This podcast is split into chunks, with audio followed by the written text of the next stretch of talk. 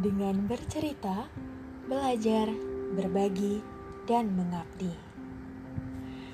Baik, Assalamualaikum warahmatullahi wabarakatuh Selamat malam teman-teman semuanya yang mungkin entah kapan waktunya kalian sedang mendengarkan suaraku di kesempatan kali ini Jadi di malam ini aku akan sedikit bercerita dan juga berbagi tentang apa yang ada di dalam pikiran dan juga hati selama tiga hari kemarin ketika aku akhirnya bertemu kembali dengan sahabat-sahabat, dengan teman-teman seperjuangan untuk menjalankan sebuah amanah dan tugas di sebuah acara kampus.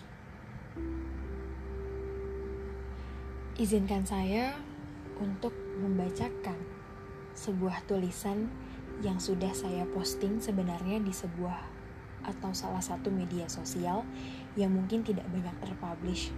Dan akhirnya saya putuskan untuk membacakan tulisannya melalui podcast ini yang juga mungkin tidak banyak terpublish. Judulnya adalah Antara Saya, Kalian, dan Mereka. Semua orang berhak untuk memperoleh kebahagiaan diri yang mungkin sering melewatkan bahwa dalam prosesnya tidak melulu hanya ada kesepakatan atau kepentingan antara saya dan Anda atau kalian. Tapi juga ada pihak lain yang mungkin tak kasat mata yang justru terlibat di sana. Yakni ada dia dan mereka.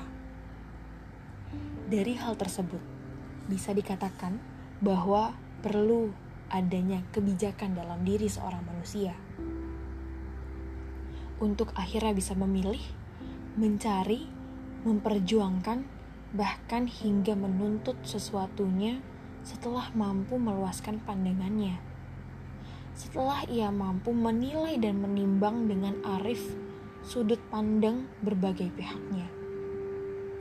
Mungkin di sini bisa terlihat tentang bagaimana seseorang merespons dan menunjukkan keakuannya. Mungkin dari sini bisa terlihat seberapa paham dan peduli setiap saya dan Anda atau kalian terhadap kesanggupan, kemampuan dari dia atau mereka. Apakah dia atau mereka mumpuni untuk terlibat? Karena sejatinya dia atau mereka dalam proses mewujudkan kebahagiaan atau kepentingan saya dan juga Anda atau kalian adalah suatu hal yang patut untuk dipertimbangkan dan dipertanyakan. Tapi lagi-lagi tentang belajar untuk menjadi seorang yang bijak dan bajik di setiap posisi dan peran masing-masing.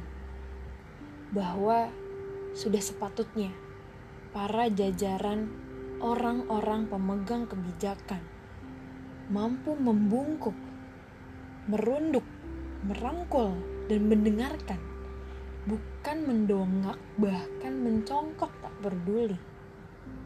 Bahwa sudah sepatutnya kumpulan orang-orang yang punya ingin dan harap mampu meminta dan memperjuangkannya dengan baik dan juga tetap menghargai usaha sekecil apa pun dalam proses pemenuhannya dari siapa pun. Dan mungkin akhirnya akan ada air mata yang tumpah atau justru sudah tumpah. Karena meski sudah berusaha sekuat apa pun diri ini menjaga, terkadang tetap saja tidak kuasa atas perasaan yang menguasai bahwa posisi dia atau mereka adalah posisi yang tepat untuk belajar mendewasa dengan cara meluaskan pandangannya, dengan cara menjadi kuat, meski banyak hal yang tidak seharusnya dia dapatkan justru dilayangkan pada dirinya. Dengan cara menjadi ikhlas untuk tetap mengingat tujuan dan niatannya dalam menjalankan peran yakni untuk terlibat menyukseskan kebahagiaan berbagai pihak. Tidak ada yang tidak pernah melakukan kesalahan.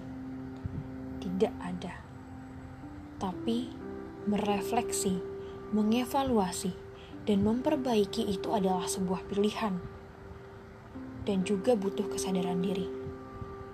Ketika seseorang memilih untuk tidak memilih itu adalah sebuah pilihan yang pasti. Lantas, di momen kali ini, izinkan aku untuk menyampaikan sebuah ucapan yang tulus dari dalam hati terdalam. Terima kasih kepada teman-teman, kepada sahabat, dan rekan-rekan seperjuangan yang sudah berhasil melewati masa-masa memerankan dirinya sebagai pihak dia atau mereka yang sudah saya sebutkan sebelumnya bahwa pihak dia atau mereka yang di hari-hari kemarin sudah meluangkan cukup banyak hal. Dan harapku cuma satu.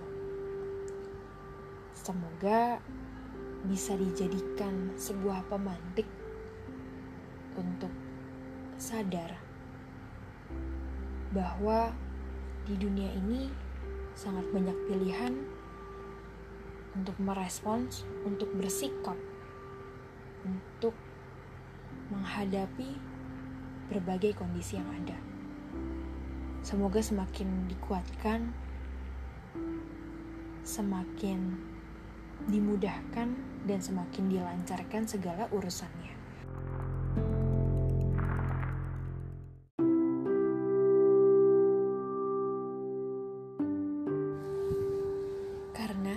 yakinlah ketika kita sudah berusaha untuk ikhlas, membantu, dan memudahkan urusan orang lain, maka biarkan orang lain yang digerakkan hati, pikiran, dan juga langkahnya oleh Allah memudahkan urusan kita juga.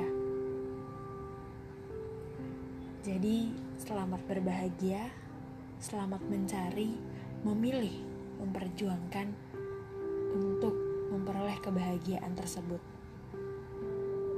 Meski kita tahu bahwa kebahagiaan dengan segala standar dan syaratnya dari masing-masing setiap aku, saya, Anda, kalian, dia dan mereka itu adalah berbeda-beda. Tapi semoga Allah selalu merestui dan meridhoi apa pun yang kita inginkan dan harapkan. Semoga apa pun yang menjadi takdir dari Allah menjadi suatu hal yang menciptakan sebuah kebahagiaan. Dan yang paling penting adalah secuil rasa bahagia bisa menimbulkan rasa kebersyukuran.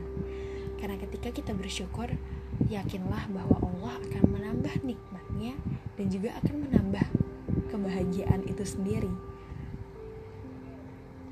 Jadi, selamat berbahagia teman-temanku, sahabat-sahabatku dan juga selamat berbahagia untuk Akang Teteh semua yang kemarin sudah diwisuda. Semoga untuk gelar baru yang kini sudah menjadi sebuah amanah baru untuk dijalankan, untuk diimplementasikan, menyelesaikan segala hal yang perlu diselesaikan di kehidupan dan di seluruh tatanan masyarakat ini bisa bermanfaat untuk orang banyak, bisa menjadi berkah untuk diri Akang Teteh dan juga kita semua dan bisa menjadi inspirasi dan juga referensi bagi kita yang belum lulus. Oke, okay, itu dia tulisan aku yang mungkin sebenarnya kurang lebihnya seperti itu. Dan ya, ada tambahan-tambahan sedikit mungkin.